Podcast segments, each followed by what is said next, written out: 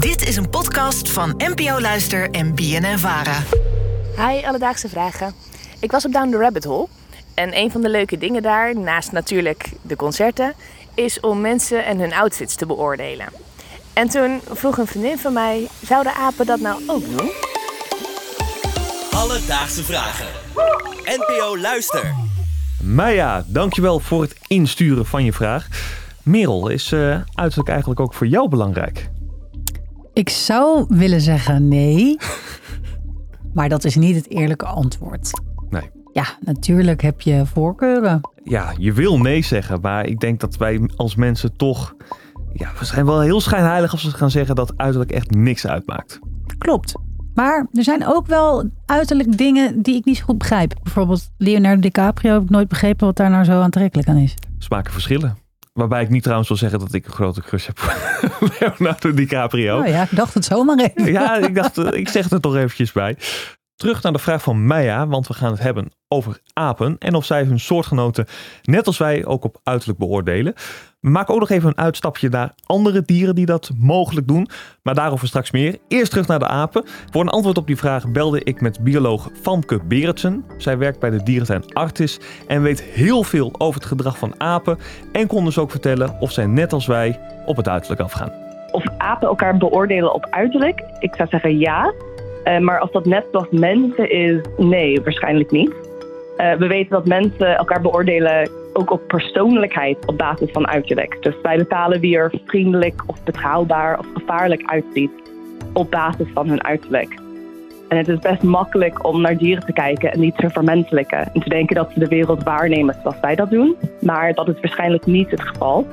Uh, en als we aannemen dat dieren net als wij zijn, dan kunnen we andere belangrijke gedragingen of kenmerken over het hoofd zien. Dus ik zou meteen zeggen, ze beoordelen elkaar wel. Ik heb daar een aantal voorbeelden van, maar niet per se zoals mensen dat doen. Ik vind het dan ook wel weer heel typisch dat wij dieren dan meteen weer bepaalde menselijke eigenschappen gaan toedichten. Van, oh nou, uh, daar, misschien komt dat deze vraag ook een beetje uit voort van. Ja, dat denk ik wel. Ja, tuurlijk. Zouden, wij, uh, zouden ze precies hetzelfde doen als wij? Ja, maar ik herken dat dus wel. Wij, wij vullen heel snel in, oeh, diegene die kijkt een beetje streng, dus dat zal misschien wel een onaardig iemand zijn. Hup, in het bakje onaantrekkelijk. Maar misschien dat apen veel meer letten op, poeh, wat een lucht. Of uh, toch, wat, of wat loopt die gek? Ja, Precies, ja. Weet ik veel. Heel goed. Zij had voorbeelden, begreep ik. Ja, laten we daar even naartoe gaan om te kijken wat voor rol uiterlijk dan speelt bij apen. Dieren kijken natuurlijk naar uiterlijk om informatie te verzamelen over soortgenoten en dieren uit andere soorten. Dus uit onderzoek blijkt dat dieren in groepen, die in groepen leven, meer onderscheidende gezichtskenmerken hebben. Dat maakt het makkelijker om individuen uit de groep te onderscheiden. En het kan een dier helpen om onderscheid te maken tussen leden van zijn groep en potentiële indringers uit andere groepen. En als een soort een strikte hiërarchie heeft, dan is het ook belangrijk om de alfa-individuen snel te herkennen. Als het over reproductie gaat, dan zijn visuele kenmerken ook heel belangrijk om iets te communiceren. Dus de gezichtsverhoudingen van veel apen veranderen van de jeugd naar volwassenheid. Ja, precies. Dus ook bij apen geldt dat je aan uiterlijk wel heel veel kan aflezen. En logischerwijs weten zij wie Piet is en Klaas. En kunnen wij dat niet zien.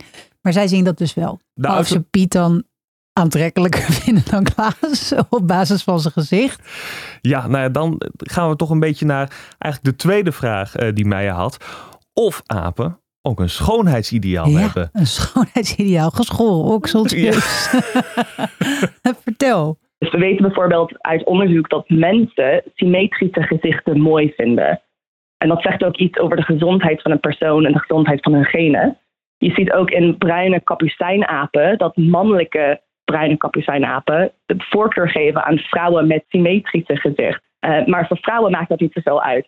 En ook in rhesusapen, vrouwen kijken langer naar de mannelijke rhesusapen met een symmetrische gezicht dan mannen met een gezicht die minder symmetrisch is. Nou, ik hoor het al. Het is een sterke aanwijzing dat als je een aap bent met een symmetrisch gezicht, ja, dan uh, staan de vrouwtjes en mannetjes voor je in de rij. Dan kan je je telefoonnummer maar beter bij de hand hebben, hoor ik. Alledaagse vragen. Nou, Merel, we hebben het nu de hele tijd over apen gehad. Maar er zijn natuurlijk veel meer dieren die voor het vinden van een partner gebruik maken van uh, uiterlijke kenmerken. Wat komt er zo bij jou op?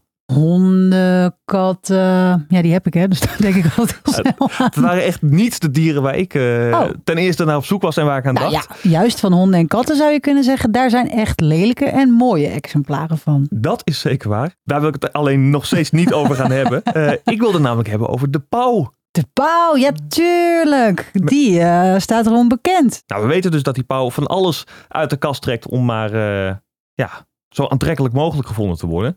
Maar Famke vertelde mij dat het verhaal dat erachter zit toch iets anders ligt dan wij misschien denken. Pauwen hebben natuurlijk zo'n hele grote staart met al die ogen erop. Maar die staart is eigenlijk heel onhandig voor het mannetje.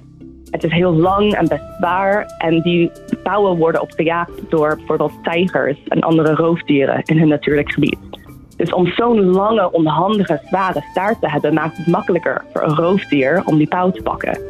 Dus als een pauwhen een mannetje ziet met een hele mooie grote staart en hij leeft nog, ja, dan moet hij wel echt topfit zijn om te ontsnappen van roofdieren.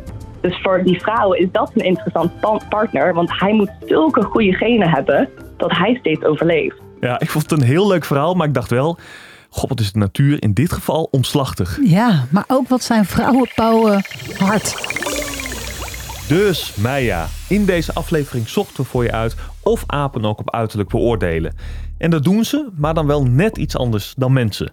Kijken naar het uiterlijk heeft bij apen namelijk vooral een functie. Zo kunnen ze zien of iemand uit dezelfde groep komt en of een aap geschikt is om mee te paren. En verder zijn er ook aanwijzingen dat sommige apen een voorkeur hebben voor symmetrische gezichten. En in dat opzicht lijken ze toch een beetje op ons mensen. Heb jij ook een vraag? Stuur ons dan een berichtje. Dat mag via Instagram naar Alledaagse Vragen. Maar je kan ook een mailtje sturen naar alledaagsvragen.bnnvara.nl en dan zoek het voor je uit. Alledaagse vragen. NPO Luister. BNN Vara.